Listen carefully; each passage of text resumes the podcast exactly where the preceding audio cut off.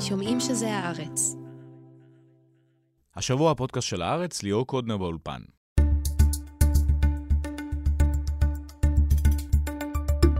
הפרעות בכפר חווארה העלו מחדש לכותרות את הטרור היהודי והביאו את מה שקורה בשטחי יהודה ושומרון למיינסטרים הישראלי.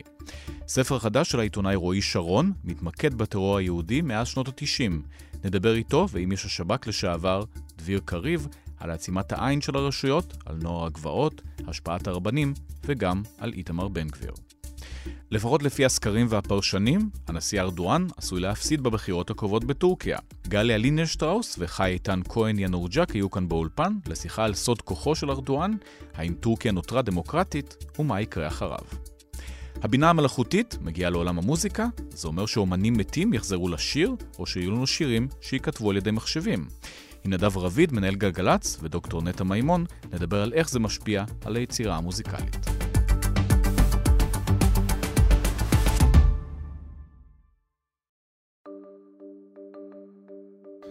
אני חושב שטרור זה עם שרוצה להשמיד אותי ומפעיל נגדי טרור. אני לא מוכן לבלבל בין אויב לאוהב. בצד שלי יש אנשים שטועים ועושים מעשים שלא יעשו. אז אין מחבלים יהודים? רוצה- אין טרור יהודי? אין. דבר כזה? אין דבר כזה. אין דבר יש כזה. פשיעה, ספר חדש של העיתונאי רועי שרון, הכתב הצבאי של כאן 11, מנסה אה, לרדת לשורשי הטרור היהודי, קוראים לזה ואי נקמה, שלום רועי. אהלן. אז אה, תכף נדבר על הטרור היהודי, מי שמצטרף אלינו נקרא לך ד' מהשב"כ, דביר אה, קריב, היום מורה לאזרחות ובעבר ביחידה לחקירת הטרור היהודי, נכון? נכון, נכון, שלום, שלום. אז אתה כותב בהקדמה לספר הרבה על מה זה בכלל טרור, ומנסה לא לעשות השוואה בין טרור יהודי לטרור פלסטיני. למה? חשוב לשים את הדברים בפרופורציות בעיניי. הגם שיש תופעה, עובדה, יש פה 250 עמודים על התופעה הזאת של טרור יהודי, והייתי יכול גם לכתוב גם אה, 700 עמודים על הטרור היהודי, אבל uh, בסוף גם צריך uh, להכניס לפרופורציות. לא רוצה שתהיה פה סימטריה. אפשר תמיד להיכנס לדיון הזה על, ה- על הכיבוש, ולמי יש מדינה ולמי יש צבא, אבל בסופו של דבר המספרים הם מספרים של אה, שמיים וארץ. לא יודע אם בטל ב-60 או בטל ב-60 אלף. אבל אה, סיפורו של הטרור היהודי, אה, אני מתאר פה 30 שנה של טרור. עובדה שזה נכנס פה ב-13 פרקים. הטרור הפלסטיני מכה בנו במספרים של, של אלפים, של עשרות אלפים, לא, לא ספרתי, אבל אה, אני התעסקתי עם הזווית הזאת של טרור יהודי כי זה עניין אותי. למה? פשוט לא כתבו על זה ספר עד היום. על התופעה. היה את חגי סגל שכתב על המחתרת היהודית על עצמו? בין היתר על עצמו, אבל הוא כתב את הספר אחים יקרים. איך שנכנסתי להיות כתב שטחים, ומיד רצתי לקרוא אותו, אבל אז רציתי לקרוא גם על אה, טרור יהודי של שנות ה-90 ואילך, ופשוט לא היה לי איך, לא באקדמיה ולא בספרות, אז אה, התחלתי לאסוף חומרים. למה המחתרת היהודית באמת לא בפנים? אתה מתחיל משנות ה-90, וזה בעצם אולי אחת מהפרשיות הכי מוכרות היום, אה, גם מבחינת מה שהם ניסו לעשות, וגם מבחינת העונש והקבלה של החברה בישראל את האירועים האלה. השתדלתי לחדש בספר, לא רציתי לקחת פרשה שאני לא מצליח לגלות בה גילויים חדשים, וחוץ מזה שהיא נטחנה, ולכן החלטתי לתחם את הספר מאז, אה, בעצם התקופה שלפני הסכמי אוסלו, מתחילת שנות ה-90. דביר, השם של הספר מרמז שהמוטיבציה המרכזית בסיפור הזה זה נקמה. אתה מסכים לזה? כן, אני מסכים. אני גם מסכים מאוד עם הפרופורציות, שחשוב מאוד לעשות אותן. אה, הימין הקיצוני בישראל הוא קטן, הוא שולי, הוא תופעה שצריך לטפל בה, אבל היא תופעה קטנה. אה, גם תושבי איו"ש, לא כל הטרור מגיע מאיו"ש, אבל תושבי איו"ש זה חצי מיליון אנשים בערך, שהם שומרי חוק, דמוקרטים, אוהבי ישראל, ומתוכם גרעין קטן מאוד של אנשים שגם מייצר טרור, וזה נכון שמרכיב הנקמה הוא מרכיב אה, מאוד מאוד משמעותי, אה, ואנחנו רואים את זה לאורך כל, ה... לכל ההיסטוריה. זו בעיקר לאומנות דתית? מה זה? ברוב המקרים זה לאומנות דתית, אתה תראה מעט מאוד ימניים קיצוניים שהם לא דתיים, למרות שאתה יכול לראות גם את זה. מה מצאת כשעשית את התחקיר לספר? קודם כל מצאתי שלושה מניעים אה, מרכזיים. המניע המרכזי הוא באמת נקמה, והמניע השני זה ניסיון לסכל תהליך מדיני. ראינו את זה גם במחתרת היהודית, אבל גם עדן נתן זאדה וגם אשר וייסגן, שביצעו את הפיגועים שלהם כדי לסכל את תוכנית ההתנתקות. והמניע השלישי הוא מניע של קירוב הקץ, של החשת הגאולה. אנחנו נעשה פה כזה כאוס, ויהיה פה בלגן, והרוגים, והסלמה, וגוג ומגוג. ואז תבוא הגאולה. זה גם היה במחתרת היהודית, שם היו את שלושת המניעים, וגם בספר הזה, זה המניע הכי פחות נפוץ, אבל ראינו אותו בתשתית המרד, שמיוחסת למאיר אטינגר, שם הוא ממש מתאר איך אנחנו פה נדליק את כל חביות הנפץ שיש בחברה הישראלית. על המסגדים ועל הכנסיות ועל כל המקומות הקדושים לא ליהודים ו- וכל ה- הנקודות הכי רגישות שיש כאן במדינת ישראל, אנחנו נזרוק את הגפרור כדי ליצור פה איזה פיצוץ. בסופו של דבר תהיה פה מדינה יהודית, מדינה, מדינת הלכה, כלומר, הוא מתכוון. אני חושב שחשוב מאוד להגיד בהקשר של המוטיבציות, ושלושת המוטיבציות האלה נכונות, זה מה מדביק בין המוטיבציות. למעשה, מה הוא גורם לרוח הגבית למפגע אידיאולוגי לצאת ולעשות פיגוע.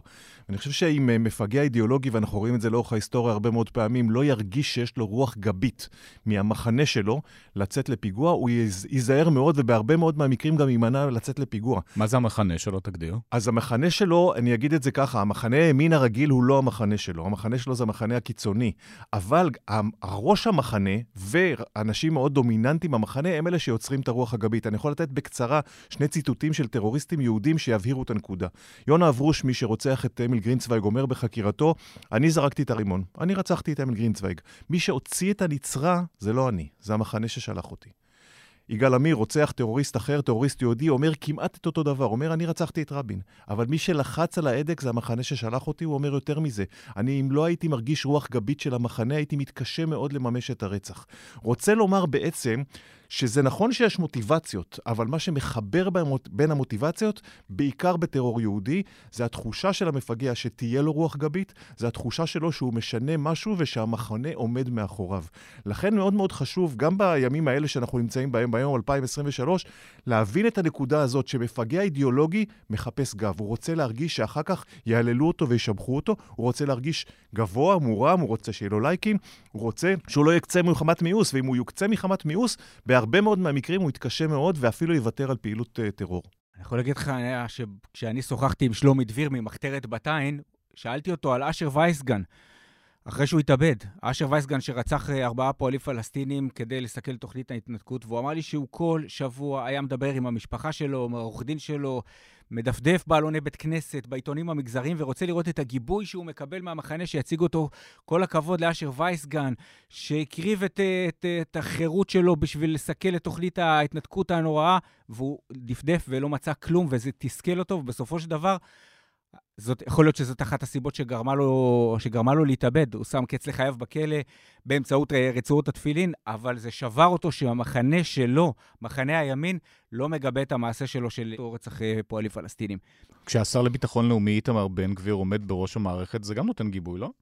קודם כל, לגבי בן גביר, צריך להפריד בין טרור לבין פשיעה לאומנית. בן גביר, הוא מופיע בספר כמובן, הצלחתי להכניס אותו ממש בדקה האחרונה לפני שהספר נסגר, איך שמונתה הממשלה. כן, אתה מזכיר אותו, נותן לו איזה משהו אה, לא פעיל מרכזי, לא עסק בטרור, היה בשטח כן, האפור. אז אני אגיד לך מאחורי הקלעים, הספר נסגר בדצמבר 22, בדיוק אז אה, נכנסה הממשלה החדשה, ראיתי שהוא מונה לשר ביטחון פנים, אמרתי, אוקיי, אני חייב, ממש בדקה ה-90 הכנסתי אליו איזה שלושה עמודים, אבל הוא באמת, הספר מדבר על ליגת הרוצחים, נגיד, נקרא לזה ככה. בן גביר אף פעם לא היה שם.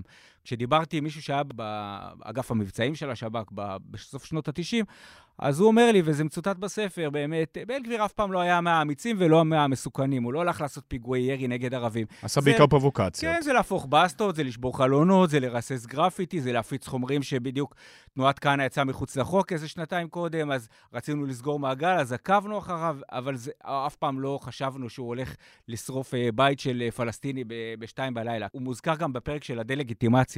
הדה-לגיטימציה זה קמפיין שמנהלים פעילי ימין, נגיד נקרא לזה תחת הכותרת, אל תפריעו לילדים שלנו לעשות טרור יהודי או תג מחיר. הם מנסים לעשות דה-לגיטימציה לרשויות החוק, לשב"כ, למשטרה, להפריע לרשויות החוק לתפוס את פעילי הטרור היהודי באמצעים חוקיים, באמצעים של קמפיינים, באמצעים של אה, דעת קהל. אה, ובאמת בן גביר בנקודה הזאת הוא מאוד חזק. וזה לא חלק מקריצת העין של המערכת לאותו טרור יהודי, בניגוד לטרור פלסטיני שמטופל מאוד בחומרה. פה לאלה קוראים נוער גבעות, פה בן גביר רק עושה פרובוקציות, אלה לא ניתן להם עונש חמור מדי. אני חושב שזה יוצר רוח גבית יותר לאווירה, לבייס הזה של שנאת ערבים. זה בוודאות... אה, זה כן יוצר אה, רוח גבית. לפשיעה לאומנית גם יכול להיות, עדיין מוקדם מדי בשביל לבחון את הנתונים עכשיו תג מחיר בשנה האחרונה מול תג מחיר בעשור האחרון. זה מאוד uh, משתנה, זה בא בגלים. טוב, גם עצם זה שקוראים לזה תג מחיר, זה גם איזה סוג של הנחה. כן, הספר מספר, המקור, השם המקורי של תג מחיר היה ערבות הדדית בכלל. ואז תג מחיר, אנחנו בתקשורת מאוד אהבנו את התג מחיר, כי קראו לזה ערבות הדדית תג מחיר. אבל אפשר לקרוא לזה פשיעה לאומנית. אפשר, לקרוא אפשר גם לזה... לקרוא לזה טרור. זה טרור, ופיגוע זה לא חולצה בסופר, אה, זה לא תג מחיר. הם מכנים את זה תג מחיר, הם מאוד מאוד טובים בלייצר אה, סיסמאות ושמות. למשל, לקרוא ליחידה הזאת, שקוראים לה בעצם החטיבה לסיכול טרור לא ערבי, כי היא מתעסקת גם בנוצרים קיצוניים ובעוד הרבה מאוד דברים, לקרוא לה מחלקה יהודית על שם המחלקה של היטלר, שהייתה אחראית על הפתרון הסופי. בהקשר של הכהניזם, מה שמדויק בספר של רועי זה שהוא לא התפתה לעשות מה שהרבה אחרים עושים. כי לרוץ לסיפור של הכך, הככניקים זה נורא נורא קל, אבל זה מעט מאוד טרור. הטרור של הככניקים הוא טרור זניח, שולי. בכלל, תנועת כך היא בעיקר מייצרת פרובוקציות, בעיקר מייצרת סיסמאות ומה שנקרא סד"צ, סדר ציבורי, או סד"צ אלים, שבכלל במנדט המשטרתי. הככניקים כככניקים כמעט ולא עושים טרור. אם ננסה להיזכר בפעילות טרור של תנועת כך, אנחנו נחזור לשנות ה-90, לתחילת שנות ה-90, לשנה הראשונה אחרי רצח כהנא ולשנה השנייה אחרי רצח כהנא, בשוק הקצבים. אם נגיד ש, אה, שגולדשטיין עשה את זה ככהניסט, הוא לא עשה את הפיגור ככהניסט, אבל נגיד שהוא כהניסט כי הוא מה, מה-JDL, ה-Jewish Defense League, מהליגה להגנה היהודית, אז נגיד 94. מ-94 ועד היום אנחנו נתקשה מאוד להצביע על פיגועים של כהניסטים. אפשר להגיד שעדן זאדה היה מקורב לככניקים ול, ולכוח של, של כפר תפוח. פעילות טרור של תנועת כך כמעט ואין. נוער גבעות מייצר לשב"כ, למדינת ישראל, לא לשב"כ, טרור כמעט על בסיס שבועי.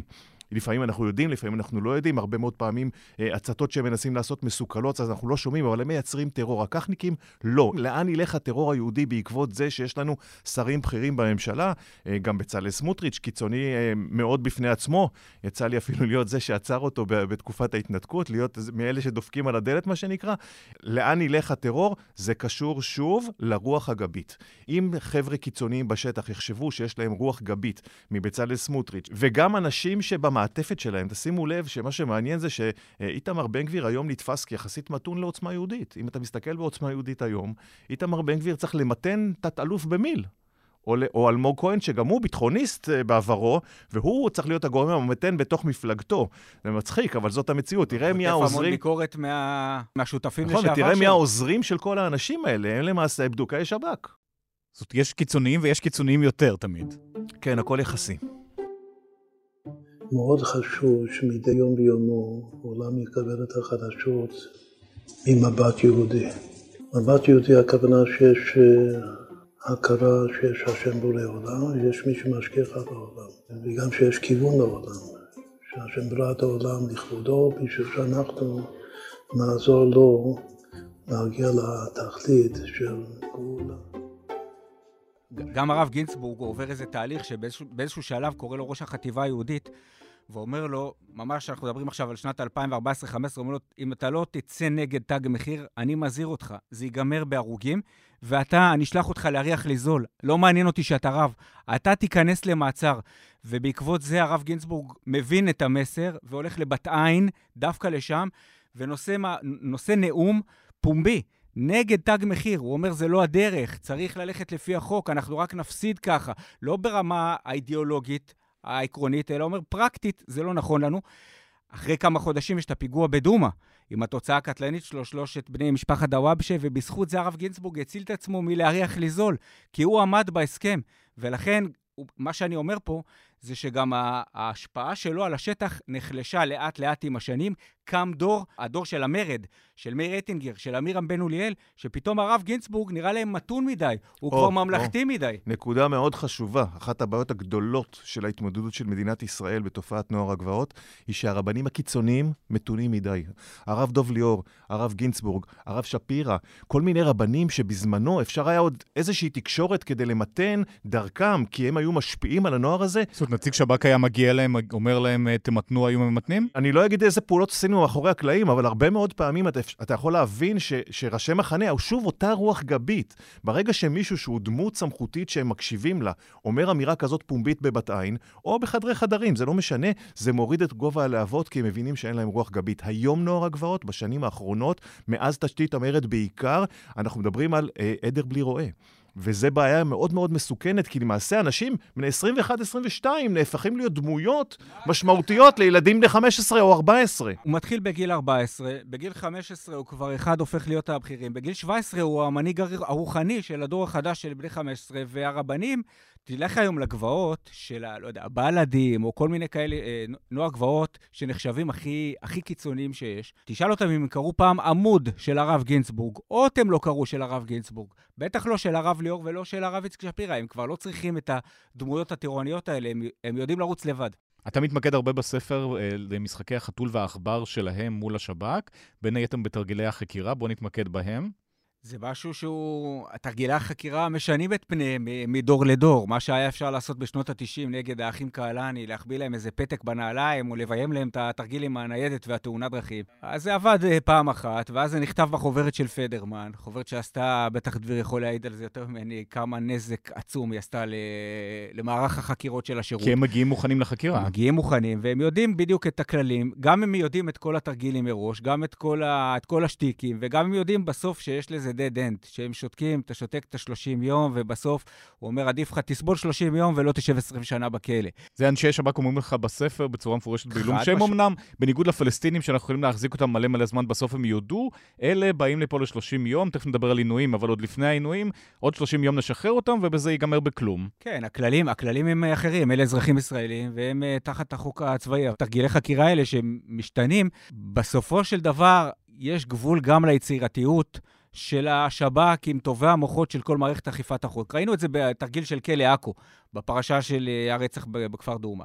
שם באמת הלכו לאקסטרים של היצירתיות, יצרו המופע של טרומן, והצליחו לבלבל אותם, לפחות את הקטין אה, שביניהם. הצליחו בסופו של דבר, גם אחרי איומים, זה בסוף נפסל גם במשפט אה, זוטה, כי זה היה לחץ מוגזם. מה עשו שם בדיוק? לקחו אותו לכלא עכו. זרקו אותו לתא מעצר, כשכל העצורים סביבו הם לא באמת עצורים, הם שחקנים של, ה... של המשטרה, של השב"כ, והם מביימים שם איזה רצח, והוא בעצם, הוא נמצא בין עבריינים מאוד מאוד כבדים, כולם בגירים, והוא נחשף לרצח הזה כאילו במקרה, ואז הוא צריך לתת להם איזה משהו כדי שאם הוא ילשין עליהם, שידע שגם הם מחזיקים עליו משהו. אז הוא מתחיל לספר להם שהוא פעם, אה, לא יודע מה, זרק אבנים, או פעם תקף אה, פלסטיני, ואז אומרים לו, מה אתה מדבר איתי בצ'יפס? אני רוצה פה, תן לי את השניצל, תן לי את המנה העיקרית. והוא מאוד מאוים, הוא קטין, והוא מפחד, הוא חושש לחייו, אז הוא, אז הוא מתחיל לדבר. זה משהו שעוד לא היה במדינת ישראל. הבעיה שם, שהוא היה כל כך מתוחכם, שהוא ידע שהאריכו לו מעצר לחמישה ימים. על סעיף שהוא מאוד זניח, הפרת אה, צו מנהלי, כי הוא היה אז בצו מנהלי אה, בבית אחרי, אחרי הרצח בכפר דומא. והוא אומר, לא יכול להיות שאחרי כזה סעיף כל כך זניח, ייקחו אותי לתא מעצר, שכולם פה בגירים, ואני הקטין היחידי, ואחרי חמישה ימים גם נגמרה תקופת הארכת מעצר, ואף אחד לא לוקח אותי להארכת מעצר, ואז הוא מתחיל להבין שזה לא מעצר רגיל. הוא מתחיל לחשוד, ואז הוא כבר, מרוב שהוא מתוחכם, הוא לא חוזר על ההודעות שלו. כמובן שבסופו של דבר, מה שהכריע את הכף זה השימוש ב... זה חקירת צורך, כלומר, השימוש בעינויים. שכאן, באמת מה שהכריע את הכף, הם דיברו מכאב, כן? הם דיברו, הם דיברו מסבל, הם צרחו מכאבים ודיברו. אבל אם הם היו באים מוכנים לזה, הם היו מתמודדים גם עם זה. מה שניצח כאן זה אפקט ההפתעה. פרשת דומא הייתה הפעם הראשונה בתולדות המדינה שבה נחקרו יהודים במעמד פצצות מתקתקות, תוך שימוש בכוח פיזי, המכונה בפי רבים עינויים. שיטות חקירה שנקטו עד כה רק כלפי פלסטינים שנחשדו בטרור. אין חולק. עינויים זה באמת דרוש בחקירות מהסוג הזה? קודם כל, אני לא אוהב את השימוש במילה עינויים, זה יוצר למאזינים שלנו תחושה של איזה שב"כ בעיראק או בסוריה שמותחים אנשים ועם איבריהם נתלשים מגופם. זה נקרא היתרים בחקירה, זה נעשה במקרה הזה בפעם הראשונה, היחידה, ואני מקווה גם האחרונה, מקום המדינה במגזר הזה. זה נעשה הרבה יותר במגזר הערבי. טוב, זה שם מכובס, אבל זה כן אה, תהליכים לא נעימים שאתה עובר. זה לא נעים, אבל להבדיל אלפי הבדלות, גם שחוקרים חקירת בעבירות מס, אה, מישהו, אה, כשמגיע עם חליפה ויוצא עם החליפה, זה לא נעים. חקירה זה דבר לא, לא נעים. מידה, אבל... וחקירה בשב"כ זה דבר מאוד לא נעים. וחקירה בחשד לטרור זה דבר מאוד מאוד מאוד לא נעים, אבל עדיין אני חושב שהשימוש במילה עינויים קצת מחריף טיפה את העניין הזה. זה נכון שהפעם נעשה משהו מאוד מאוד מאוד חריג. בהקשר הזה צריך להגיד משהו בעיניי חשוב. כל נושא השתיקה בחקירה הוא משהו שמדינת ישראל לא מטפלת בו נכון, והיא צריכה לטפל בו בחקיקה. אני אתן דוגמה. אם יש מישהו שיש כנגדו בדל ראייה, נגיד מאחד מסיפורנו, נגיד שיש טביעת אצבע על נייר דבק שמחברת בין מטען חבלה לבין השעון בעגלת התופת במזרח ירושלים, ואתה מביא את הנחקר, ואומר לו, תן הסבר לדבר הזה. איך יש טביעת אצבע שלך שמחברת בין הסוללה ללבנת החבלה. זה לא, זה, זה מקום אסטרטגי, מה שנקרא טביעת האצבע, ואתה שותק. זכותך. אם... זכותך לשתוק. אבל החוק צריך להיות משונה בהקשר הזה. זה בסדר שאתה שותק וזאת זכותך.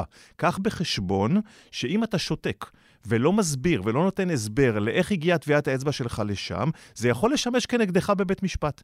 היום זה לא המצב, זה לא המצב. עכשיו, אם למשל לוקחים בקבוק תבערה ושורפים משפחה, ועל בקבוק התבערה יש טביעת אצבע שלך, אז אם אתה שותק, זה יהיה כנגדך. אם אתה מסביר, אני שתיתי קולה בסופר וזרקתי את הבקבוק, אני לא יודע מי לקח את הבקבוק אחר כך, אז נתת הסבר אפשרי או לא אפשרי, שקרי או לא שקרי, אבל הסברת איך יכול להיות שיש טביעת אצבע שלך על הבקבוק. ברגע שאדם שותק, וזאת זכותו, הוא צריך לקחת בחשבון שזה גם יובא לרעתו. במגזר הערבי יש תרבות כזאת והיסטוריה כזאת שהחוקרים והנחקרים יודעים. אם לא תדבר היום, אתה תדבר מחר. אם לא תדבר מחר, אתה תדבר מחרתיים. כי אתה במעצר מינהלי שלא ייגמר אף פעם? כן, וגם יש כלים שבהם משתמשים היסטורית במגזר הערבי. במגזר היהודי, ורועי צודק, זה בדיוק הפוך. אתה יודע, יש דדליין, יש 30 יום, יעברו ה-30 יום, קשים ככל שיהיו, אתה הולך הביתה. וכדי לשנות את המשוואה הזאת, כשיש פיגוע כזה אסטרטגי בכפר דומא, כשאתה יודע שפיגועים אחרים היו ופיגועים אחרים בפתח, אתה נאלץ, נאלץ להגיע לסיטואציה מאוד מאוד מורכבת, שנקראת חקירת צורך. המילה צורך זה מתוך העובדה שאתה צריך למנוע פיגוע עתידי. לא צריך לפענח משהו שהיה בעבר. אתה לא בא בחשבון עם הנחקר כי אתה יודע. עכשיו, אני רוצה להסביר משהו... לפלסטינים עוד פעם פשוט יותר קל להפעיל את החקירת צורך הזאת. חשוב משהו להבין על הדבר הזה שאתה יודע.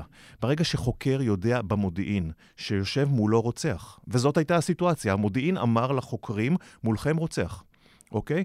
ואתה יודע שיש כוונות לפיגועים נוספים, זו סיטואציה אחרת לגמרי. זאת אומרת, גם א', הקטין וגם עמירם בן אוליאל, כשהם יושבים עם החוקרים, זה לא שלקחו שניים סתם באופן מקרי. מבחינה מודיעינית, וגם שר הביטחון אז, בוגי יעלון, פיגוע היה בסוף יולי, כבר באוגוסט עומד בוגי יעלון על דוכן הכנסת ואומר שני דברים. א', זה טרור יהודי, וב', הפיגוע פוענח. פוענח מודיעינית. זאת אומרת שהמידע המודיעיני כבר אחרי חודש היה שהאנשים האלה עשו את הפיגוע. מתי הם נעצרו? הם נעצרו בנובמבר, אולי אפילו תחילת דצמבר. זאת אומרת, לקח כמה חודשים טובים. למה? כי אתה יודע מראש שהם ישתקו, ואתה מחפש את הראיות כדי להביא אותם לחקירה כשיש לך כבר איזשהו, מה שנקרא, בשר מבחינת חומר החקירה, או שאין לך ברירה, והחקירה הזאת, עד כמה שאני מבין, הייתה חקירת אין ברירה, כי הבינו שמשהו עומד לקרות ורצו אותו למנוע. השב"כ לקח כאן סיכון עצום. כי הם הלכו אליהם בלי שבאמת לא היה ראיות נגדם, היה מידע מודיעיני שתוך עשר שעות מרגע הפיגוע כבר הגיעו לשני שמות מתוך שלושים אפשריים, והם אמרו, זה א' וזה אמירם בן אוליאל.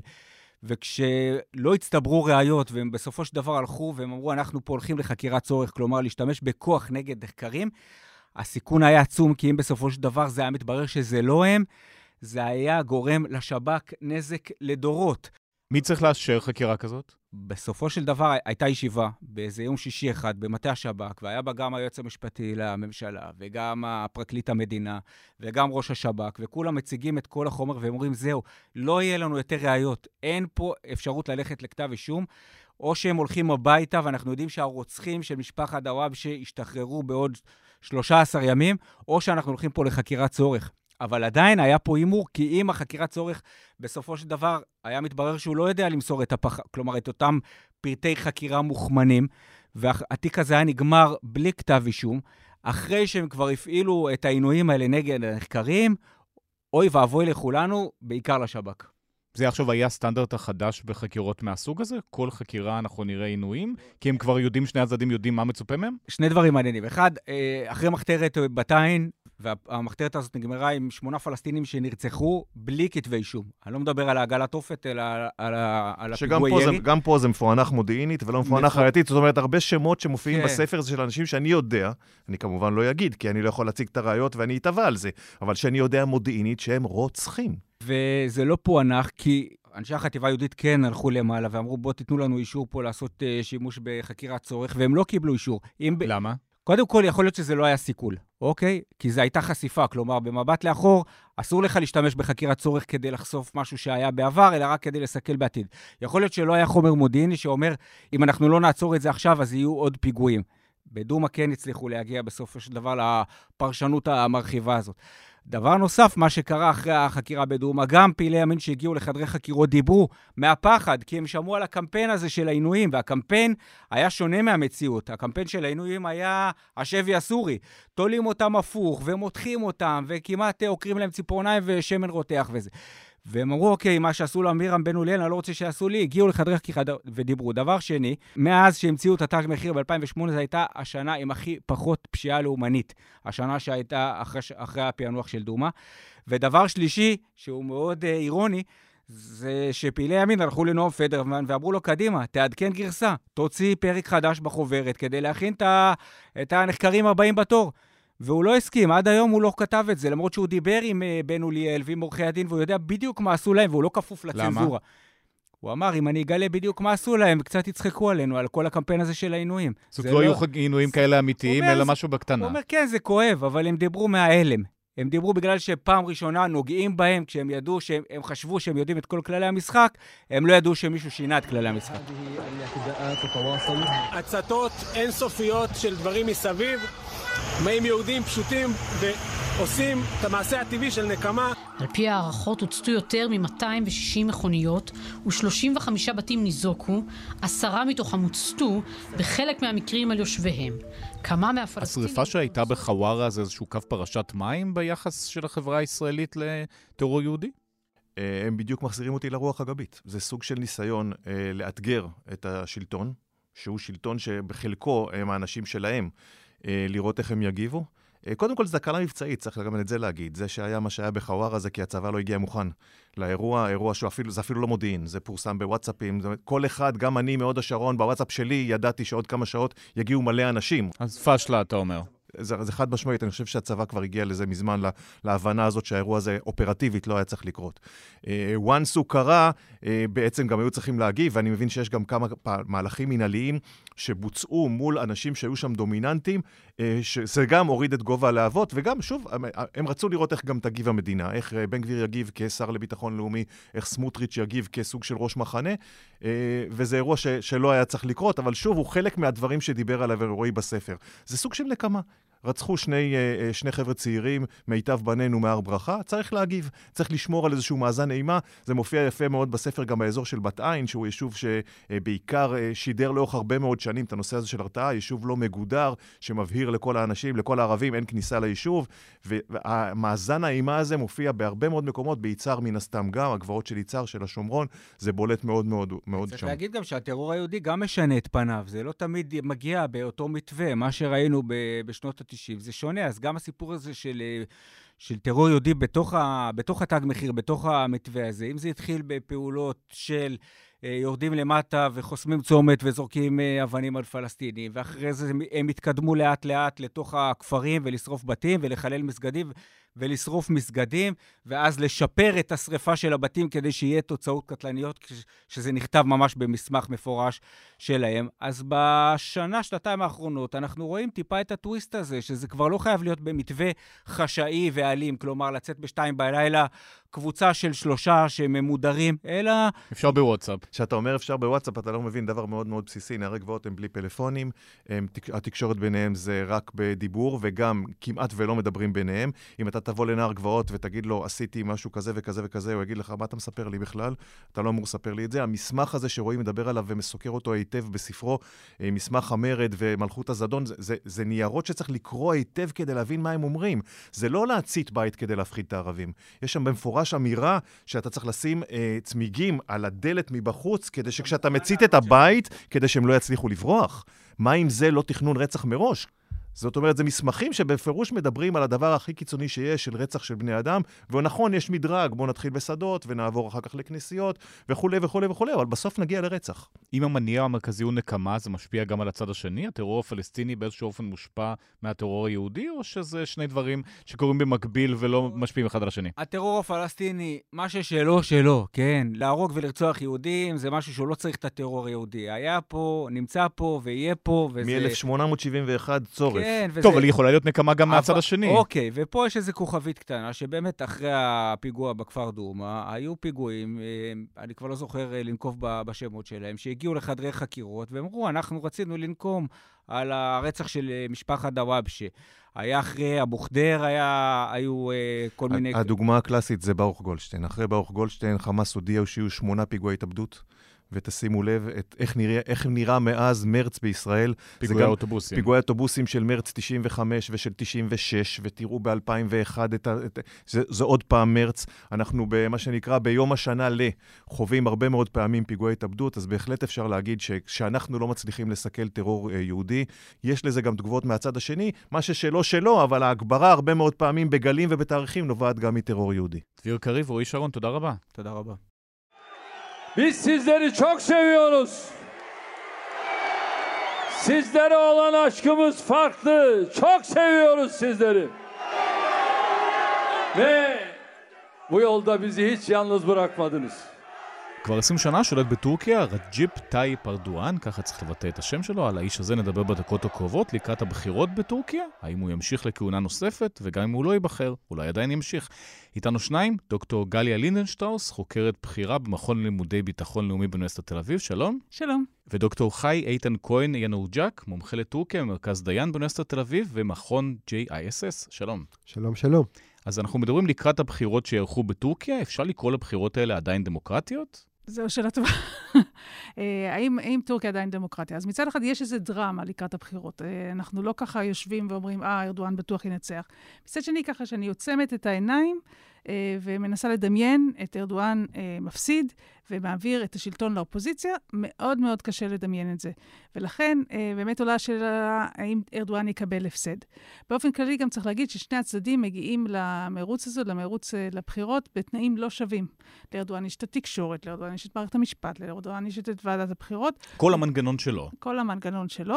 אה, הוא כבר 20 שנה בשלטון, הוא יכול לתת אה, כל מיני הטבות כלכליות שהאופוזיציה לא יכולה לתת, ולכן אה, בהחלט אה, יש, יש, יש ספקות. אבל איך זה הולך? אנשים הולכים לקלפי, מצביעים ומשנים את ההצבעה שלהם? זה כמו בסוריה, שאתה מפחד להצביע למישהו אחר, אחרת אה, אותם 2% שלא מצביעים לאסד, אחר כך מוצאים את עצמם אה, מוצאים להורג?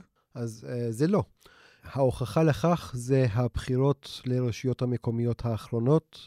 ראינו שארדואן בעצם הובס באיסטנבול, וכעת אם יש לנו ראש העיר אופוזיציוני באיסטנבול, אכרם אימאמולו, אז זה אומר שהבחירות בטורקיה הן לא כמו בחירות במצרים או סוריה, שאנחנו יודעים את התוצאות.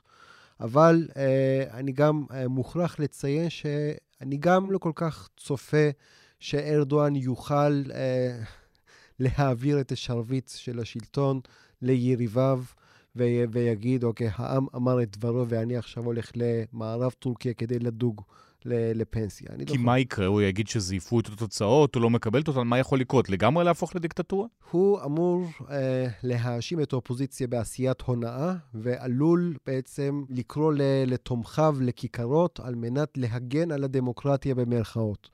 ופה אנחנו עלולים לראות התנגשות בין שתי צדדים אה, של החברה הטורקית, שאני מוכרח לציין שה... האופוזיציה הטורקית היא יותר מורכבת מאנשים יותר משכילים, יותר עשירים, פחות דתיים, ובמירכאות יש להם הרבה מה להפסיד. ובניגוד לכך, בעצם הגוש הארדואני הם יותר נותנים דגש לדת, ללאום וכל מיני מושגים מופשטים מסוג זה, ואז לכן הם עלולים לרצות להקריב לעצמם למען איזשהו, בוא נגיד, אידיאל שהם רואים בארדואן כמנהיג של האידיאל הזה. אז זה בעצם שאלת השאלות, מה יקרה? בואו נחזור קצת אחורה. האיש עצמו, כמו שאמרנו, 20 שנה בשלטון, בגדול די פופולרי אצל הטורקים. מה סוד כוחו? כן, מעניין לציין שלמרות uh, שטורקיה נמצאת במצב כלכלי מאוד מאוד קשה, אנחנו מדברים על אינפלציה דוהרת, על uh, פיחות בערך הלירה הטורקית, משהו שבאמת כל הציבור הטורקי סובל ממנו. למרות כל הדבר הזה, ארדואן מגיע לבחירות עדיין במרוץ צמוד, זה מאוד מעניין. Uh, וצריך להוסיף לזה גם את השלכות רעידת אדמה הקשה שהייתה בטורקיה בפברואר, שגם היה שם דיון האם הרשויות הגיבו כמו שצריך, האם היה אפשר למנוע חלק מחיי האדם שנאבדו. האיש מאוד מאוד, צריך להגיד על ארדואן, הוא איש מאוד מאוד כריזמטי. כריזמטי, הוא יודע לקרוא את הציבור הטורקי, הוא יודע אה, לעשות כל מיני אה, פרויקטים ש, שמעוררים את הגאווה הלאומית הטורקית. פרויקט למשל... ענק כמו שדה התעופה באיסטנבול, כן, מיליארדים ו... על מיליארדים שנשפכו שם? כן, זה פרויקט אחד גדול, פרויקט אחר זה עכשיו, אה, כל שבוע, השבוע, כל יום יש אה, ידיעה חדשה, משהו, פרויקט גדול אחר חדש. גאווה לאומית. אז אסטרונאוט ראשון אה, טורקי שילך לתחנת החלל הטורקית, מטוס קרב טורקי, נושאת מטוסים טורקית, הכל באמת מכונית חשמלית טורקית, הכל ללכת ל base הזה של גאווה, גאווה לאומית. הוא גם פופוליסט בהגדרה. אין ספק, הוא, הוא מכיר את כל ה playbook של הפופוליסטים, לגמרי יכול לתת שיעורים לאחרים. Inflation is still stubbornly high. Even official figures put it at around 50%. That's created a cost of living crisis that's hurting even the president's most loyal supporters. אז הזכרנו את הכלכלה, הכלכלה על הפנים, הלירה הטורקית גם על הפנים, זה בעיקר כי ארדורן ניסה לשנות שם את הכללים, אה, נגידי הבנק שם, הוא נתן להם הוראות, אה, התערב בכל דבר, גם דברים שהוא לא אמור להתערב בהם ולא מבין. מה שאפשר להגיד, ההידרדרות של הכלכלה הטורקית החלה עם מהומות גזי פארק ב-2013. אז ראינו, עד המחאות, בואו נגיד, ראינו שכלכלה הטורקית הייתה במידה רבה מאוד נשענה על המערב, אבל בעקבות הדיכוי האלים של ההפגנות, התחלנו לראות שהמערב uh, התחיל, uh, אגב, למתוח ביקורת מאוד חריפה, וגם uh, לסגת לאט-לאט מהכלכלה הטורקית, וארדואן מאז רק uh, בעצם מרכז את כוחו יותר ויותר. אה, ובסופו של דבר, ההשקעה הזרה המערבית התחילה לברוח מטורקיה. המערכת המשפט, מן הסתם הוא השתלט על מערכת המשפט באמצעות המשאל עם שנערך ב-2010, ולאט לאט ראינו שהמדינה הזאת הפכה למאוד שרירותית. ברגע שיש שרירותיות, אז ההשקעה הזרה אה, פוחדת, כי הרי אם יש איזשהו סכסוך עבודה, אז מי בעצם אה, הולך לפסוק פה? ארדואן. נכון, נכון. אז לכן אה, התחלנו לראות בתדירות אה, מסוימת, אה, באיזושהי עקביות ליתר דיוק, שהלירה הטורקית התחילה לאבד אה, את ערכה. אה, ובנוסף לכך ראינו כל מיני אה, תקריות פוליטיות לא יציבות, כגון כל מיני מבצעים צבאיים בסוריה, אה, ניסיון ההפיכה הכושל כמובן. ששם אגב הצבא שתמיד היה משמעותי בפוליטיקה הטורקית פשוט נוטרל? נכון, על ידי מעצרים נרחבים שארדואן בעצם עשה, וזה כמובן, זה העמיק את הקיטוב בחברה הטורקית. ו... אם אני יכול לתת לכם איזשהו נתון ממש מוחשי, למיטב זיכרוני, כשארדואן עלה לשלטון, אה, מפלגתו ליתר דיוק, עלתה לשלטון ב-2002, דולר אחד היה שווה ל-1.2 לירות טורקיות. היום זה בעצם חצה את הרף של 19 אה, לירות טורקיות. כלומר, הטורקים כבר לא יכולים כל כך להרשות לעצמם לטוס לחו"ל, כי הם חייבים בעצם להכפיל את כל סכום שהם רואים ב-19. זה דבר מזעזע בשבילם. גם ארדואן היה צריך להעלות את הריבית. אם יש לך אינפלציה גבוהה, הפתרון הוא להעלות את הריבית. וארדואן uh, מתנגד להעלאת הריבית, גם ממניעים דתיים וגם בגלל שהוא חושב שיש איזה לובי ריבית uh, בינלאומי שמטרתו להכשיל את טורקיה. וזה קצת חוזר למה שחי דיבר עליו קודם, שבעצם ארדואן מכין את הקרקע גם לזה ש... להצדיק את ההפסד בזה שזה מין הפיכה מבחוץ. מי שהתאחד נגדו, האופוזיציה, מדברים על שולחן השישה, שולחן של שש מפלגות. אז הוא מדבר על שולחן התשעה. כלומר, בנוסף לאופוזיציה, יש להם גם את הכורדים הטרוריסטים, גם את הגולניסטים, אותם גורמים שעמדו מאחורי ניסיון ההפיכה הכושל ב-2016, וגם ארצות הברית. כל אלה מנסים להכשיל את טורקיה, ולמה צריך להכשיל את טורקיה? כי טורקיה נהייתה חזקה מדי תחת ארדואן, ולכן הפעילה את כולם, לובי הריבית מתגייס נגדה, וחס וחלילה שנחזק את אותו לובי הריבית. אני גם רוצה להתייחס ל- לעניין ה... לבנק המרכזי. הזכרת שיש לנו פה נגידים חדשים כל פעם. אה, ארדואן בהתחלה אה, מינה כל מיני אנשים באמת מקצוענים אה, שהם היו אמורים להשפיע לטובה, אבל ברגע שהנגידים רצו לנהל את העניינים כפי שהם באמת הבינו, אז כל פעם ראינו שארדואן התערב ותמיד בלם אותם. אז נשאלת השאלה למה. אחד התומכים מבחינת המגזר העסקי של ארדואן זה מגזר הבנייה. ונאמר בטורקיה שמגזר הבנייה מושפעת לרעה ברגע שהריביות עולות.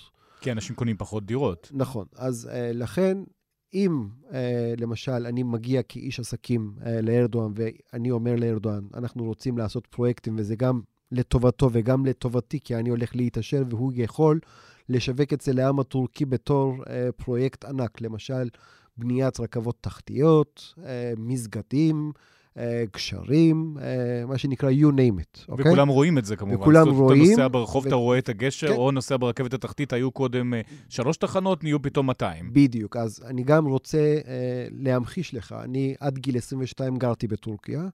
בטורקיה שאני גרתי, בצד האירופאי, היה קו רכבת תחתית אחת, שהיה סך הכל שבע תחנות. היום, איסטנבול, בכל מקום יש קו רכבות, יש רשת. וזה מאוד מפותח. אז uh, בנקודה הזאת, הוא הצליח באמת לגעת בחיים היומיומיים של האנשים. Uh, אני רואה את התוצאות מהחברים, מהבני uh, דודים ש, שהולכים לעבודה, ממקום, ממקום למקום. הוא בעצם קיצר את, ה, uh, את המרחקים. אז זה גם חומר למחשבה. ואותם חברים מוכנים להתפשר על הדמוקרטיה לטובת uh, עוד קווים במטרו? החברים האלה, uh, גם חברים המוסלמים וגם היהודים, uh, לא משנה מה ארדואן יעשה, אפילו אם ארדואן יעשה את הפרויקט הטוב ביותר בחיים ש- שלהם, שהם יוכלו uh, לדמיין, הם בחיים גם ככה לא יצביעו לו, כן?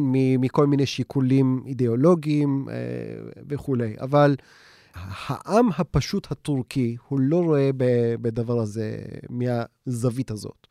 אה, ברגע שאתה נוגע בחיים שלהם, ברגע שאתה נואם את הנאומים החשובים ביותר בטורקית הפשוטה ביותר, ואני גם רוצה לציין פה, כשאנחנו מסתכלים לנאומים הכי שנויים במחלוקת של ארדואן, הוא תמיד לובש את החולצות הכי מכוערות והכי עממיות שיש. כדי להעביר פה מסר. אני לא מהאליטה הישנה, אלא אני מכם. אז הוא בעצם קונה את האנשים האלה, לא את הבני דודים שלי או את החברים שאני איתם גדלתי באיסטנבול. שנים של עוינות הסתיימו היום ברגע המשמעותי הזה. נשיא המדינה יצחק בוז'י הרצוג זוכה לקבלת פנים ממלכתית בארמון הנשיאות של רג'פ טאיפ ארדואן בבירה אנקרה. מבחינת היחסים עם ישראל, משהו צפוי להשתנות אם ארדואן נשאר או הולך? הוא כרגע בתקופה של עוד, עוד אה, ירח דבש, מה, או לא ירח דבש, אבל זאת אווירה טובה, מאז החזרת השגרירים אה, לאנקרה ולתל אביב עוד בממשלה הקודמת. הייתה גם את התגובה הישראלית לרעידת אדמה, שהייתה תגובה באמת מאוד מאוד גם מהירה, וגם שלחנו את המשלחת השנייה הכי גדולה מבחינת המשלחות הזרות שהגיעו לטורקיה לסייע, וזה כמובן התקבל באופן חיובי, אז אנחנו עדיין נעים על, ה, על הנגזרת החיובית הזאת, אבל אנחנו יודעים מהעבר שארדואן יכול להתהפך עלינו בן לילה, ואנחנו יודעים גם ש, שבאופן כללי ישראל לא פופולרית uh, בטורקיה, יש uh, אחדות דעים uh, בעמדה בסך, בסך הכל נוקשה נגד ישראל. גם באופוזיציה, ולכן אה, בסופו של דבר טורקיה צריכה, מבחינת המשבר הכלכלי, ושוב, לא משנה אם האופוזיציה תיבחר או ארדואן ייבחר, אה, מישהו יצטרך להוציא אותה מהמשבר הכלכלי, אז היא צריכה להיות קצת פרקטית גם ביחסי החוץ. אה, ועם ישראל יש לה סחר, היקף סחר מאוד מכובד, של 8 מיליארד דולר סחר הדדי היה בשנה הקודמת. אה, אז, אז צריך את הפרקטיות הזאת, וזה אולי יעזור לישראל, אבל מבחינת, אה, באופן כללי, דעה נגד ישראל, זה משהו באמת שדעת הקהל הטורקית אפילו מאוחדת, אה, הייתי אומרת. ברשותך, אני רוצה להתייחס לנקודה הזאת. במהלך רעידת האדמה ראינו פה עבודה נפלאה של משרד החוץ. אפילו אני זוכר ששר החוץ אלי כהן צייץ בשפה הטורקית גם דובר צה"ל, אה, ואפילו במיוחד השגרירות שלנו באנקרה, חשבון הטוויטר שלהם, באמת עשו עבודה נפלאה. וראינו איזשהו שיפור מסוים בתדמיתה של מדינת ישראל בטורקיה. זה משפיע, באמת הציוצים האלה משפיעים גם על האזרח הפשוט? בוודאי. אם נחזור לדמותו של ארדואן, הוא איש סך הכל לא מאוד מבוגר, רק בן 69, לא בריא כנראה, שזה אנחנו רואים גם מסע הבחירות הזה. כמו שאתם אומרים, גם הוא יפסיד כנראה, לא ילך אה, לדוג אה, אה, במערב טורקיה, אבל מה הוא כן יכול לעשות? קודם כל, הוא באמת בן 69. המועמד של האופוזיציה, דרך אגב, יותר מבוגר, הוא בן 74. זה עניין באמת של, אה, של בריאות, אה, והעובדה שהוא באמת התמוטט בין רעיון שבוע שעבר בטלוויזיה, זה שוב עורר את השמועות לגבי מצב בריאותו, שכבר היו קיימות אה, עוד קודם לכן. גם היו האשמות שחיתות נגדו ונגד משפחתו ונגד מקורבים לו אה, ב-2013, כמובן שאחרי שהוא מינה את השופטים ועשה שינויים במערכת המשפט ובפרקליטות, אז כבר... יצא נקי כמו שלם. אז, לא, אז, אז דברים בכלל נעלמו מתחת לקרקע, אבל הם, הם עוד שם. באופן תיאורטי אפשר שוב לחפור אותם אה, נגדו, ולכן, כמו שאנחנו מכירים במדינות אחרות, אה, מאבק על הישרדות פוליטית הוא גם מאבק על אה, הישרדות אישית. כבר שנים רבות מדברים אה, על המצב הבריאותי של ארדואן, שזה לא טוב, שזה מידרדר, אה, ואומרים שהוא סובל מאיזושהי מחלת אה, מעיים. אבל בסופו של דבר, אה, האיש עדיין איתנו. מדי פעם רואים שהוא מפגין חולשה אה, מול המצלמות, רואים שהוא אה, חולה ואולי סובל, ואולי אפילו עובר כל מיני ניתוחים. אגב, פותח סוגריים, הוא ככל הנראה עובר את כל הטיפולים הרפואיים האלה. בקומה מינוס אחד של הארמונו, אז לכן אנחנו בחיים לא נוכל לראות בתקשורת איזושהי תמונה או איזושהי הצהרה. אז ברגע שזה לא עונת הבחירות, אז, אז הבן אדם יכול להיעלם מן הרדאר, בוא נגיד יומיים, שלוש, למרות שזה לא כל כך אופייני לו, כן? הוא מתפקד כמו שומר מסך. הוא חושב שאם הוא לא נואם כל יום, אז כאילו... ישכחו אותו. ישכחו אותו, אוקיי? אז הוא ממש כמו שומר מסך. אז ברגע שלא רואים אותו יום-יומיים, אז אנשים מתחילים לשאול אותו שאלות. כאילו, איפה הבן אדם הזה? איפה אתה, אה, מר אה, נשיא ארדואן, כן? אז עכשיו, בגלל שזו עונת הבחירות, אה, אחרי יומיים של היעלמות, הוא חזר חזרה לזירה, נאם בכיכר העיר באזמיר, נפגש עם מקבילו האזרי אילהם עליאב, ומשדר את, ה... את המסר, עסקים כרגיל, אני פה, לא הולך לשום מקום. חי איתן כהן יאנה רוג'ק וגליה לינדנשטרס, תודה רבה. תודה רבה. תודה לכם.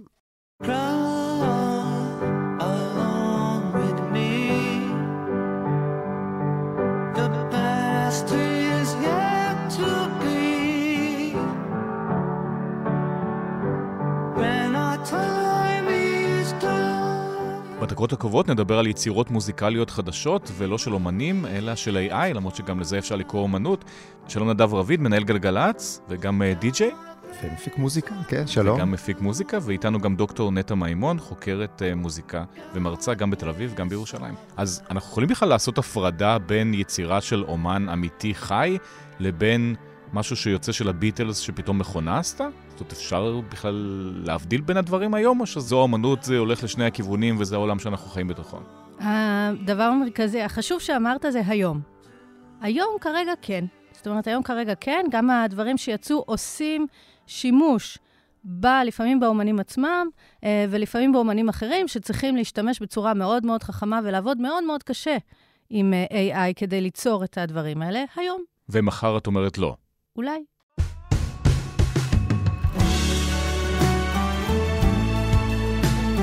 בואו נתחיל עם היום לפני שאנחנו מגיעים למחר. אנחנו מדברים על שיר של עופרה חזה וזוהר ארגוב, ששם לקחו שני זמרים שכבר לא איתנו, חיברו ביניהם וגם יצרו משהו חדש לגמרי. תראי איך חלפו להם ככה שנים, נכתבו כבר אלפי שירים, זה כבר לא אותם הזמנים. נכון, כבר חלפו להם כמה שנים. במקרה שלהם, אה, השיר עצמו נכתב על ידי בני אדם, בשר ודם, הולחן על ידי בני אדם. Uh, והשתמשו uh, בטכנולוגיה שנקראת voice cloning, שבעצם מאמנים מכונה כדי לחקות כל זמר או זמרת אפשריים. שרוצים, שיש מספיק, אה, בסופו של דבר האימון, אה, איכות האימון היא כאיכות החומר שעליו אומנה המכונה. אה, ואז יש או שנותנים למכונה ממש לשיר את, את כל ה... מכניסים את הלחן, את המילים והיא שרה את זה, או שיש זמר אמיתי ששר, ואז יש מכונה שמחליפה את הקול שלך בקול של ה... זמר שאליו אתה, או זמרת שאליו אתה רוצה להחליף. טוב, גם פה הביקורות היו גרועות לגבי שיר עצמו, לגבי השירה. עופרה חזה, אגב, אמרו שזה יחסית קרוב, זוהר ארגוב לא, אבל קטילה קשה בן שלו בארץ, כן. אני חושב שמה שמעניין בשיר הזה, קודם כל זה היה גימיק מאוד מאוד מוצלח, אני מפרגן למתחרים. אה, על איכות השיר אפשר להתווכח וזה, אבל אני, אני חושב שהגימיק היה באמת מאוד מוצלח, ויצר הרבה דיבור ושיחה. זאת היה באז, אתה אומר. כן, יצר את הבאז uh, הרצוי. זה מקרה ראשון, חשוב לומר, של שיר AI שעושה שימוש בקולות של אמנים מתים. שיוצא באופן רשמי, בהסכמה של הצדדים uh, שיש להם את הזכויות על השירים. זאת אומרת, מבחינת זכויות יוצרים, היורשים של עפרה חזה וגם של זוהר ארגוב הסכימו הם, וגם אמרו תמלוגים מהדבר הזה. הם אישרו את הדבר הזה ומקבלים uh, תמלוגים, אני לא יודע בדיוק מה ההסכמים שם, אבל... זאת אומרת, האומן מתחיל uh, לעשות כסף גם אחרי מותו על uh, דברים שהוא לא עשה בעצמו. זה, זה מודלים שעדיין לא קיימים. יש עכשיו, רואים ניצנים של הדברים האלה. יש אומנית בשם גריימס שיצאה ממש השבוע, שבוע שעבר, עם הצהרה שהיא אומרת, אני נותנת את הקול שלי לשירות AI, וכל אחד יכול לעשות שימוש בקול הזה, ואני אקבל 50% מהתמלוגים. וזה מעניין, כי היא יצרה בעצם מין ישות חדשה שנקראת, אה, נדמה לי, גריימס AI1, שזה יהיה שם האומן, כאילו, של, של היצירות החדשות האלה, וזה נותן לכל מי שרוצה אפשרות לעשות שימוש בדבר הזה.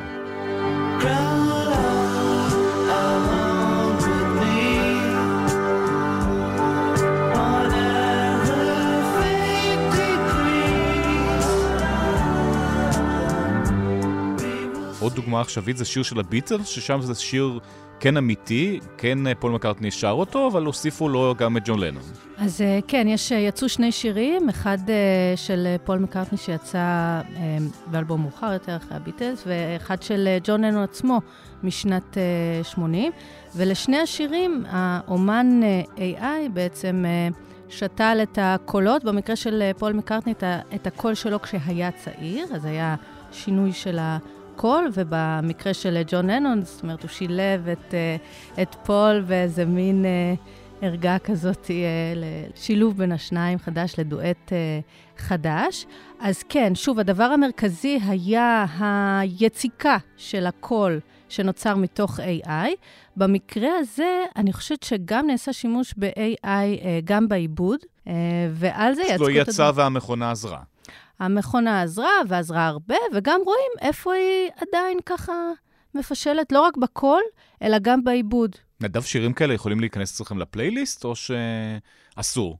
לפחות אה, בינתיים. תראה, קודם כל, uh, never say never. אני חושב שאנחנו נמצאים באיזה נקודה שהתרבות משתנה, שהעולם משתנה, לך תדע מה יהיה, כאילו, מה יהיה מקובל ומה לא יהיה מקובל. שמי קובע את זה? מה, אתה מחליט? זה? לא, העולם קובע, החיים קובעים, טעם הקהל קובע. זאת כאילו, אם זה יהיה להיט מטורף, אז כן, אם לא, אז כן. לא? תשמע, יש, יש כל מיני, אני אתן לך דוגמה לרגע מאוד דומה בתרבות, הוא לא זהה, אבל הוא דומה, אתה יודע, היסטוריה חוזרת, אבל אף פעם לא בדיוק אותו דבר. לפני 20 שנה, הייתה תנועה מוזיקלית שנקראה bastard pop או mashups, והטכנולוגיה אז בדיוק הגיעה לאיזה מין בשלות שיכולת לקחת כל uh, קטע של אודיו ולמתוח אותו, לכווץ אותו ולהעלות לו את ה pitch כמו שאתה רוצה, וזה הפך את היצירה של משאפים למשהו נורא קל. כלומר, אתה יכול להלביש אקפלה של שיר אחד מעל אינסטרומנטל של שיר אחר, ו- והייתה התפוצצות עצומה של הדבר הזה באינטרנט, שזה גם היה כאילו כמובן... אה, אה, דבר חדש אז? יחסית, כן, ו- וזה עזר להפצה של הדבר הזה, וזה קרה באופן פיראטי בכל מיני מקומות, ויש כל מיני דוגמאות שאנשים זוכרים. למשל, יש את ה- אולי הדוגמה הכי מפורסמת,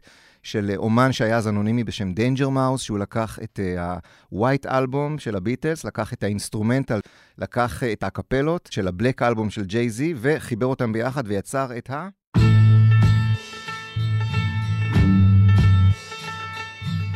Grey Album, שחור ולבן ביחד, וזה היה להיט uh, מאוד גדול ברשתות, וזה, זה מעולם לא יצא באופן רשמי, כי, כי זה לא קיבל אישורים, זה היה פיראטי, אבל uh, הוא הפך את דיינג'ר מאוס לכוכב ומפיק מאוד מבוקש ומאוד מצליח עד היום.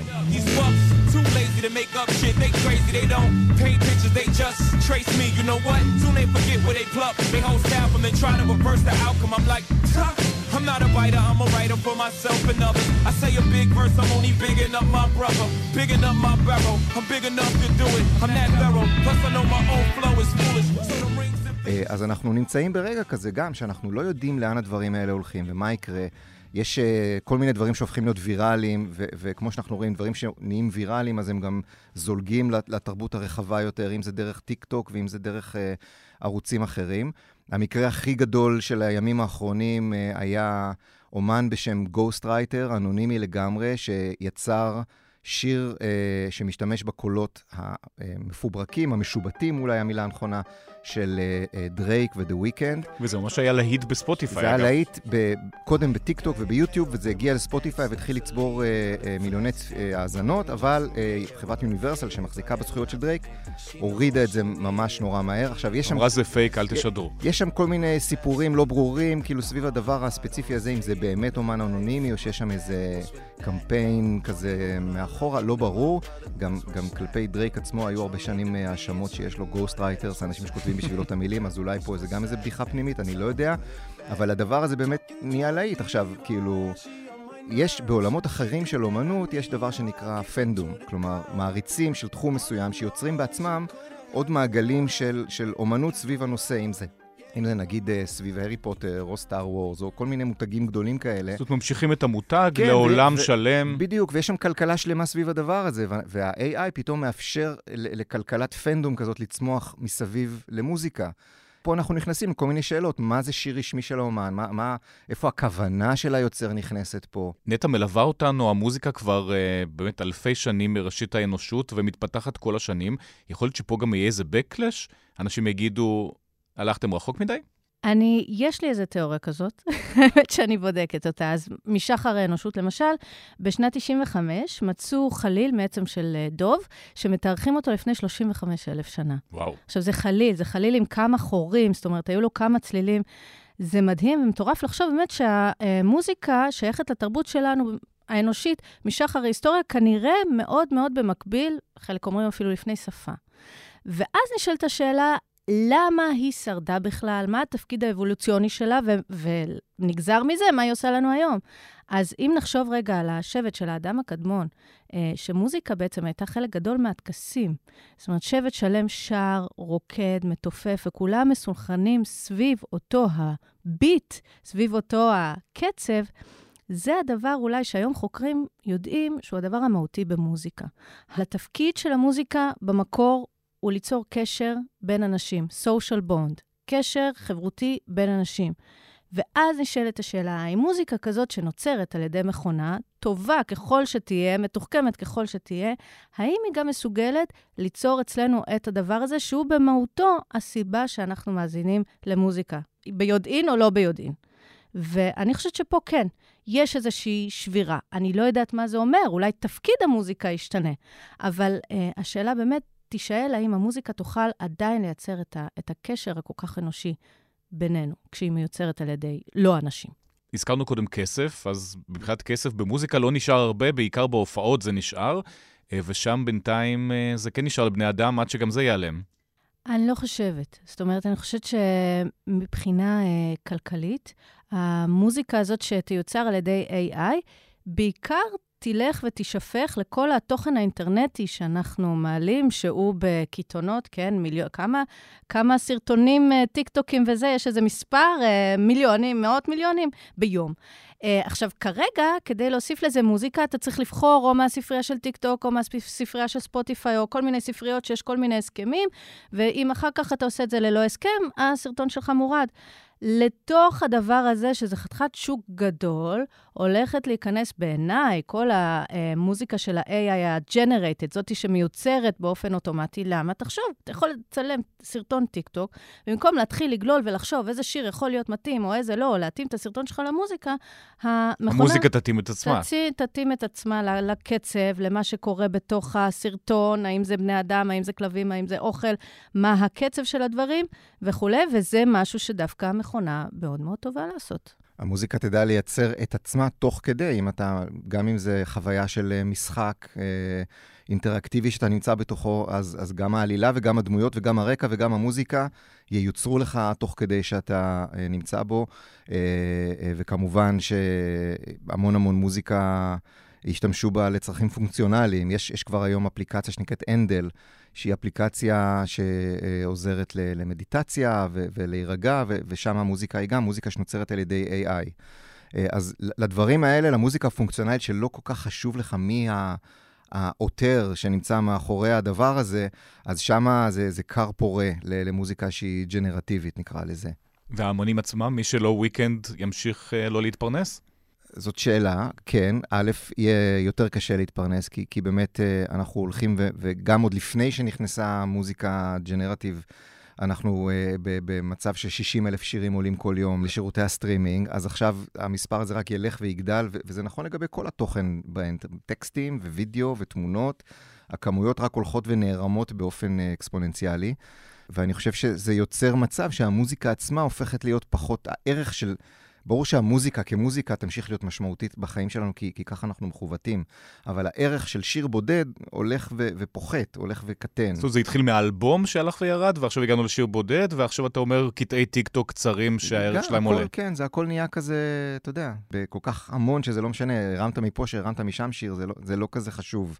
Uh, ויהיה הרבה יותר קשה לבלוט ולייצר uh, בולטות. אני חושב שעדיין אומנים uh, יצליחו לבלוט כ- כ- כפרסונות, אבל הם יצטרכו לעשות את זה לא רק עם המוזיקה, אלא עם, עם שלל דברים שהם בונים את הסיפור של מי הם ומה הם מסביב לזה. נוכל לראות בכלל דברים מקוריים, או שזה הכל יהיה קופי-פייסט כי יש כבר נוסחה והמכונה בגדול יודעת לייצר נוסחאות? אני חושבת בדיוק להפך. זאת אומרת, יכול להיות, ויש גם uh, תיאוריות כאלה, גם לגבי הטקסטים שצ'אט GPT מייצר וה, והתמונות של מידג'רני, יש סיכוי שבגלל שתהיה כל כך הפצצה של הדברים הגנריים והמשוחזרים והמשובטים, שדווקא מה שעכשיו יצטרך לבלוט, זה בדיוק ההפך, זה בדיוק הקונטרסט. האומנים האנושיים יצטרכו לפרוץ דרך זה. יצטרכו לפרוץ דרך זה, וב' אני חושבת גם, זה שאנחנו מגיעים למצב שעשרות אלפי שירים עולים לשירותי הסטרימינג, מדי יום, או מגיעים לפתחה של uh, ועדת הפלייליסט של גלגלצ, אני חושבת שגם זה אומר uh, קצת דרשני. זאת אומרת, האומנים יצטרכו גם לחשוב בינם לבין עצמם,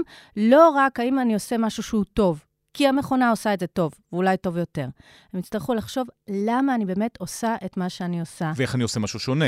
איך אני עושה משהו שהוא אותנטי, שהוא אמיתי, כי את הדבר שלי האמיתי, זה המכונה לא תוכל לייצר. עכשיו, אנחנו מגיעים למצב היום שאומני פופ ממש דורשים ורוצים את השטאנץ, כי זה מה שעובד. הדבר הזה, אני מקווה, אולי קצת ייעלם, ובמקומו ייכנס, תיכנס מחשבה מאוד מאוד אמיתית וחקר אומנותי.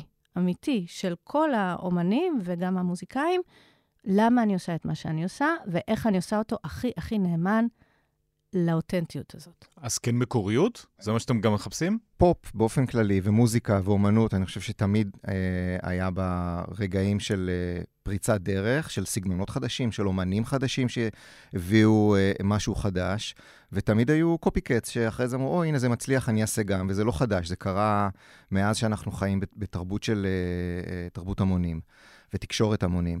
וזה גם אנושי, הצורך להעתיק. אני חושב שכשאנחנו... אה, עומדים כרגע מול העולם החדש הזה של ה-AI, שהיכולת שה, של, של ה-AI הכי טובה זה, זה, זה להעתיק ולייצר כמו ולעשות שילובים של דברים קיימים. אה, אז מצד אחד הסכנה היא שעם ה-AI, כל מה שהוא יקבל ויוזן לתוכו, יהיה תוצרים של AI, אז באמת בסופו של דבר זה ייצור איזה משהו מעגלי שלא צומח מתוכו משהו חדש. מצד שני, יהיו בני אדם ויוצרים שידעו להשתמש בכלים האלה כדי לעשות דברים שלא היו קיימים קודם, סאונדים שאנחנו לא מכירים, אה, אה, מבנים של שירים חדשים. יש פה, יש פה את הפוטנציאל לעשות דברים חדשים, וזה משהו שטכנולוגית, לדעתי כבר 20 שנה, לא היה אה, כלי טכנולוגי שאפשר איזושהי התקדמות קדימה בסאונד. וכן, שוב, אנחנו נחיה בעולם שיש בו מצד אחד דברים חדשים שקורים ודברים אה, מאתגרים, אה, ומצד שני עוד אה, הרבה יותר שיבוטים ושכפולים של דברים שאנחנו מכירים. נדב רביד, נטע מימון, תודה רבה. תודה. תודה.